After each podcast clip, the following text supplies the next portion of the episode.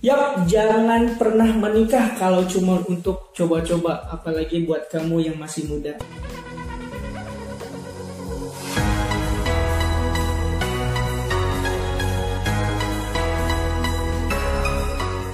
Assalamualaikum warahmatullahi wabarakatuh. Ya, bagi teman-teman semua para pemuda-pemudi yang sedang galau, yang sedang pengen banget nikah tapi nggak kesampaian gitu ya, atau yang punya semangat untuk uh, menikah tapi banyak sekali kendala-kendala yang dihadapi.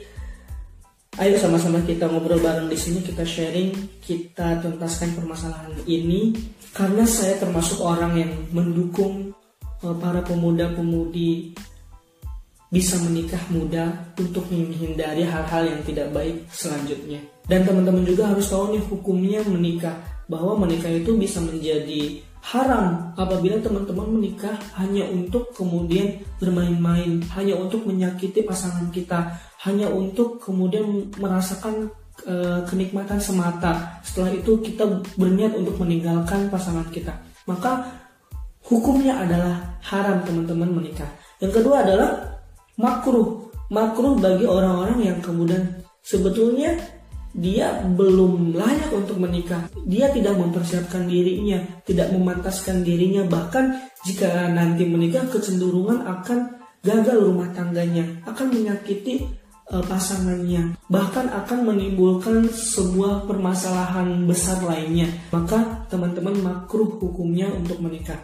Dan yang ketiga adalah boleh. Boleh bagi siapa? Bagi dia yang sudah mampu, bagi dia yang sudah balik, bagi dia yang sudah mendapatkan izin dari orang tuanya, maka hukumnya boleh dan apabila dikerjakan justru akan berpahala. Dan yang terakhir hukumnya adalah wajib. Wajib bagi siapa? Bagi mereka yang sudah mampu. Bahkan apabila tidak menikah maka akan mengakibatkan permasalahan lainnya.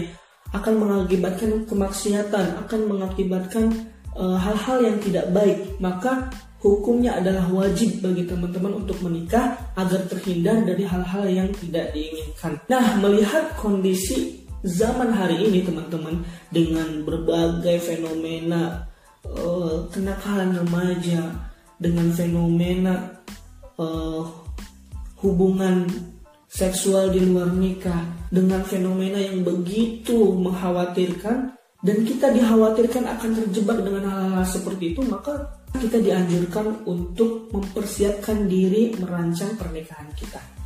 Nah, maka sekali lagi teman-teman saya berpesan Jangan pernah coba-coba untuk menikah apabila hanya untuk bermain-main. Jangan pernah coba-coba untuk menikah apabila hanya untuk mengikuti tren saja. Jangan pernah coba-coba untuk menikah muda hanya karena ingin seperti dia, ingin seperti teman teman kita yang sudah menikah kayaknya enak ya, kayaknya bahagia. Tapi menikahlah karena tujuan beribadah kepada Allah Subhanahu wa taala. Karena untuk memperbaiki diri kita, memperbaharui diri kita agar menjadi pribadi yang lebih baik lagi. Karena untuk menghindari hal-hal yang berbau maksiat dan tidak bermanfaat. Karena untuk merancang masa depan yang lebih baik.